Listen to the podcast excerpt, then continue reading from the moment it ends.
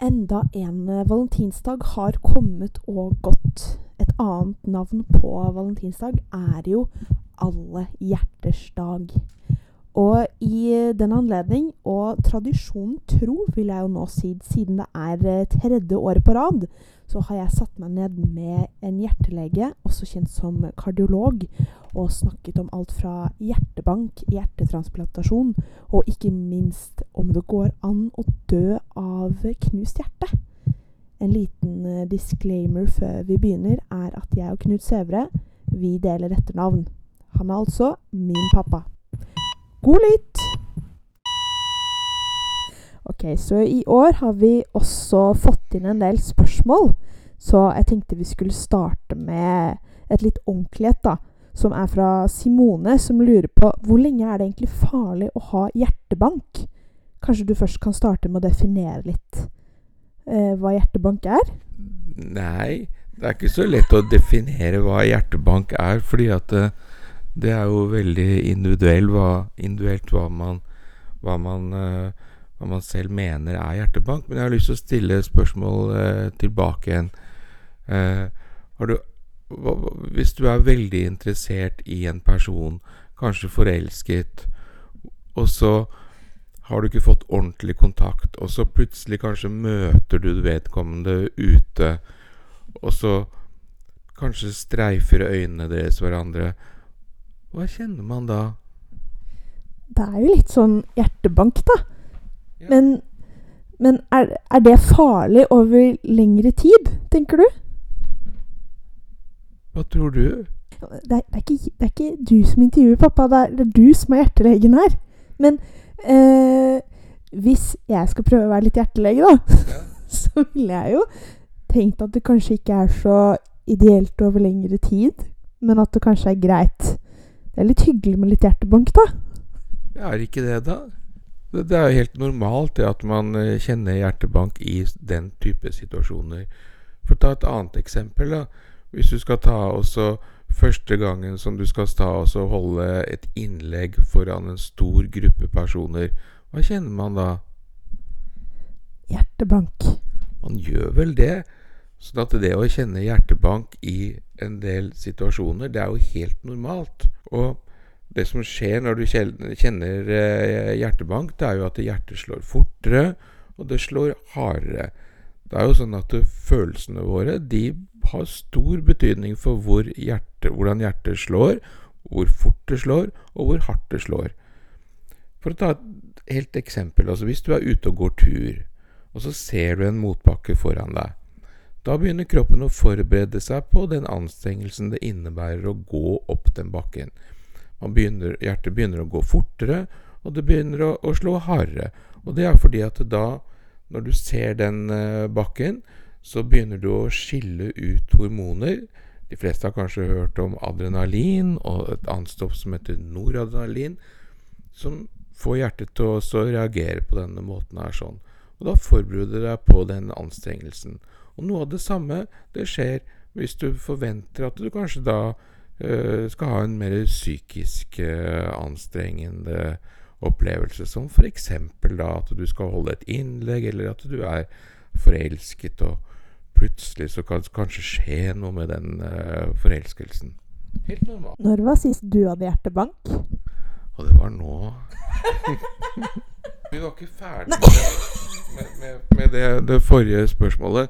Fordi jeg vil prøve å komme frem til, det er jo det at det er helt normalt at man har hjertebank en gang imellom. Det er, det er en helt normal måte for hjertet å reagere på, at det slår fortere og det slår hardere. Hvis du ikke opplever det, så har du ikke et normalt fungerende hjerte. De sunneste hjertene de er sånn at de har et stort spekter å bevege seg innenfor. Noen ganger så slår det fort, og noen ganger så slår det langsomt. De sjuke hjertene de slår gjerne på samme hastigheten hele tiden, de. Så det at det beveger seg fra langsomt og så opp til fort, det er helt normalt og veldig sunt. At det er sånn. Så det korte svaret er hvis du har et sunt og normalt hjerte, så er litt hjertebank bare bra? Ja, det vil jeg si. Ja. Er vi ferdig med det spørsmålet da? Eller hadde du mer på hjertet? Ikke helt. Fordi at det, er klart at det finnes eh, situasjoner hvor hjertebank kommer fordi at det, det er noe gærent med hjertet ditt også. Du kan f.eks. ha hjerteurytmer. Altså at hjertet ditt eh, slår fort uten at eh, det er en eh, situasjon som Du er i en situasjon som tilsier at det skulle gå fort. Da kan du ha hjerteurytmer, og da kan du få kraftig hjertebank. Og det kan hende at man må få gjort noe med. Hvordan kjenner man forskjellen på hjerteurytmer og hjertebank, da? Det kjenner du ikke. Hvorfor skal det være så vanskelig, da? Nei, det er vel kanskje derfor at det tar noen år da, før du får peiling nok på å gjøre disse tingene til at du kan uh, behandle folk som har hjerteurytmer. Det er f.eks. ikke helt uh, sjeldent at vi opplever det at uh, folk som har panikklidelser i virkeligheten har hjerterytmeforstyrrelser. Og det er også omvendt, sånn at uh, de som uh, har panikk, de merker også kraftig uh, hjertebank. Sånn at det kan være fryktelig vanskelig å skille det ene fra det andre. Og noen har faktisk blitt kvitt panikklidelsen sin når de har vært hos oss og fått behandlet hjerterytmesykdommen sin. Men nå kjente jeg at jeg nesten ble litt hypokondrer her. Altså, hvis det er så vanskelig å skille mellom hjertebank og hjerteurytme, har du noe å si som kan berolige meg litt her? At jeg ikke blir mer hypokondrer? Det er jo ikke nødvendigvis farlig å ha noe hjertebank. Det kan være helt normalt, det. Sånn at øh, men hvis det er veldig plagsomt, hvis du plages fryktelig av det, og hvis du f.eks. da ikke får hjertebank i situasjoner hvor det, er, eh, det, det, hvor det er, eh, ikke er noen tilgrunnliggende årsak, også hvor det er noe som kan utløse det, da bør man kanskje få sjekket det. Og det som da er veldig viktig, det er å få tatt et EKG når du har hjertebank. Hva er EKG? EKG, det er eh, en undersøkelse hvor du får klistret på deg eh, noen klistremerker på brystkassa, og så kobles de til noen ledninger som går inn til en maskin som registrerer elektrisk aktivitet i hjertet ditt. Og det er en eldgammel måte å undersøke hjertet på. Det ble laget, funnet opp av en fyr som het Wilhelm Einthofen. Og da er vi faktisk tilbake på slutten av 1800-tallet. Og prinsipielt så registrerer vi EKG på akkurat samme måten i dag som det man gjorde på det tidspunktet. Er ikke det fantastisk? Det, det er ganske sinnssykt, faktisk. Det er helt rått. Men når vi snakker om eh, mer gamle ting og sånn, noe som jeg føler er en litt sånn legende innenfor sånn Grace Anatomy og sånn, er når de skal eh, operere inn andres hjerte inn i noen andre. Er det mulig? Ja, det er mulig. Det kaller vi for hjertetransplantasjon. Og da får man en annen persons uh, hjerte inn i sin egen kropp. Men uh, hva skjer da? Er ikke det fryktelig farlig med tanke på at kroppen kan støte fra seg hjertet osv.? Jo, det er helt riktig. Sånn at det er um, umulig å få satt inn en annen persons hjerte i sin egen kropp uten at du bruker kraftige immundempende medisiner for også unngå at du får de avstøtningsreaksjonene. Og på forhånd så må det også være gjort grundige undersøkelser hvor man ser på det som kalles for vevsforlikelighet. Sånn at det er eh, ikke altfor store forskjeller mellom vevet til eh, den som skal avgi organet, i dette tilfellet hjertet, og til den som skal motta, motta, det. Og Det er for å unngå den type avstøtningsproblematikk. Noe annet som flere har lurt på, er hvorfor ser hjertet ut som det gjør? Når vi tegner et hjerte, så ser jo det ganske annerledes ut enn sånn rent anatomisk et hjerte ser ut. Har du noen tanker rundt det? Jeg er helt uenig. Jeg syns egentlig at uh, at uh, et sånt som vi tegner hjertet Jeg bruker det ofte selv. Uh, Istedenfor å skrive hjerte, så tegner jeg et hjerte. Og jeg syns egentlig at det ikke er så helt uh, ulikt, det. Fordi at uh, hjertet som vi tegner, da, det har jo en spiss nederst. Og det har jo også et uh, ekte hjerte. Det er der hjertekamrene de samler seg i en spiss. Og i andre enden så har du forkamrene som da er kanskje de buede områdene på toppen av et uh, tegnehjerte. Og hver av de buede områdene, det er jo høyre forkammer, og så er det venstre forkammer. Og så er det en skillevegg mellom uh, de som møtes da, akkurat sånn som det er på et tegnet hjerte. Riktignok så er den kanskje litt større, det der spriket, da. Men, eh, men, det er jo ikke så helt gærent. Men jeg har alltid sett for meg at hjertet er mer en sånn klump. Ja, er ikke det en klump, det, da, når du tegner et hjerte? Noe som også flere har vært veldig nysgjerrig på, det er dette broken heart syndrome. Det snakket vi jo om i det første intervjuet, tror jeg, for to år siden. Men kan ikke vi ta en liten repetisjon, da? Hva er broken heart syndrome? Går det an å dø av eh, knust hjerte? Ja, det gjør det faktisk. Det er riktignok ekstremt sjeldent. Og jeg tror eh, Jeg vet ikke om jeg noen gang har sett det, men jeg har sett Og det er også fryktelig sjeldent at hjertet pumper så dårlig at man må på hjerte-lungemaskin en periode. Så det kan faktisk eh, bli så ille at man kan dø av det. Men det er jo fryktelig, fryktelig sjeldent. Det er nok større sjanse for å dø av at du får en takstein i huet, enn av det syndromet der sånn. Broken heart syndrom det er eh, noe som vi først ble oppmerksom på etter eh, årtusenskiftet, selv om det sikkert har eksistert uh, så lenge man har hatt hjerter, holdt jeg på å si. Og det som skjer da, det er det at eh, deler av, av hjertekamrene begynner å pumpe mye dårligere. Og da får det en spesiell form. Det buler på en måte ut. Og det ligner veldig på den type krukker som japanske fiskere bruker til å fange eh, fisk i. Og Derfor så er de oppkalt etter disse her krukkene. Og da kalles det for takosubo-syndrom. Eh, og Hvis man da ser med ultralyd på hjertet, så ser du da at uh, hjertekamrene buler ut. Og det ser ikke ut sånn som det gjør når du f.eks. får et uh, hjerteinfarkt. Og så har vi da lurt fælt på hva er det egentlig som, uh, som skjer. Og det man tror i dag, det er det at man skiller ut At man, det skjer noe som gjør at får deg til å skille ut masse stresshormoner. Da er vi tilbake igjen til disse her adrenalinene og noradrenalinet. At du skiller ut massevis av det. Og det påvirker hjertemuskelen på en sånn måte at den begynner å pumpe mye dårligere. Og det kan pumpe så dårlig at det nesten står helt stille, og da kan man jo dø av det. Både pga. hjertepumpesvikten, men også fordi at man er mer utsatt for å få alvorlige hjerteurytmer. Og så hvis vi da kommer til å få behandlet eh, vedkommende, så kan vi gi uh, ulike medisiner som avhjelper uh, hjertet og gjør det lettere for det å pumpe. Og så vil det vanligvis ta seg vil pumpefunksjonen ta seg opp igjen, og vanligvis normaliseres helt etter en tid. Men altså noen ganger så kan det bli pumpe så dårlig at man må legge folk på hjerte-lungemaskin for å la hjertet få tid til å hente seg inn. Men som sagt, fryktelig, fryktelig sjeldent. Men hvorfor starter alt dette? Starter det av sorg?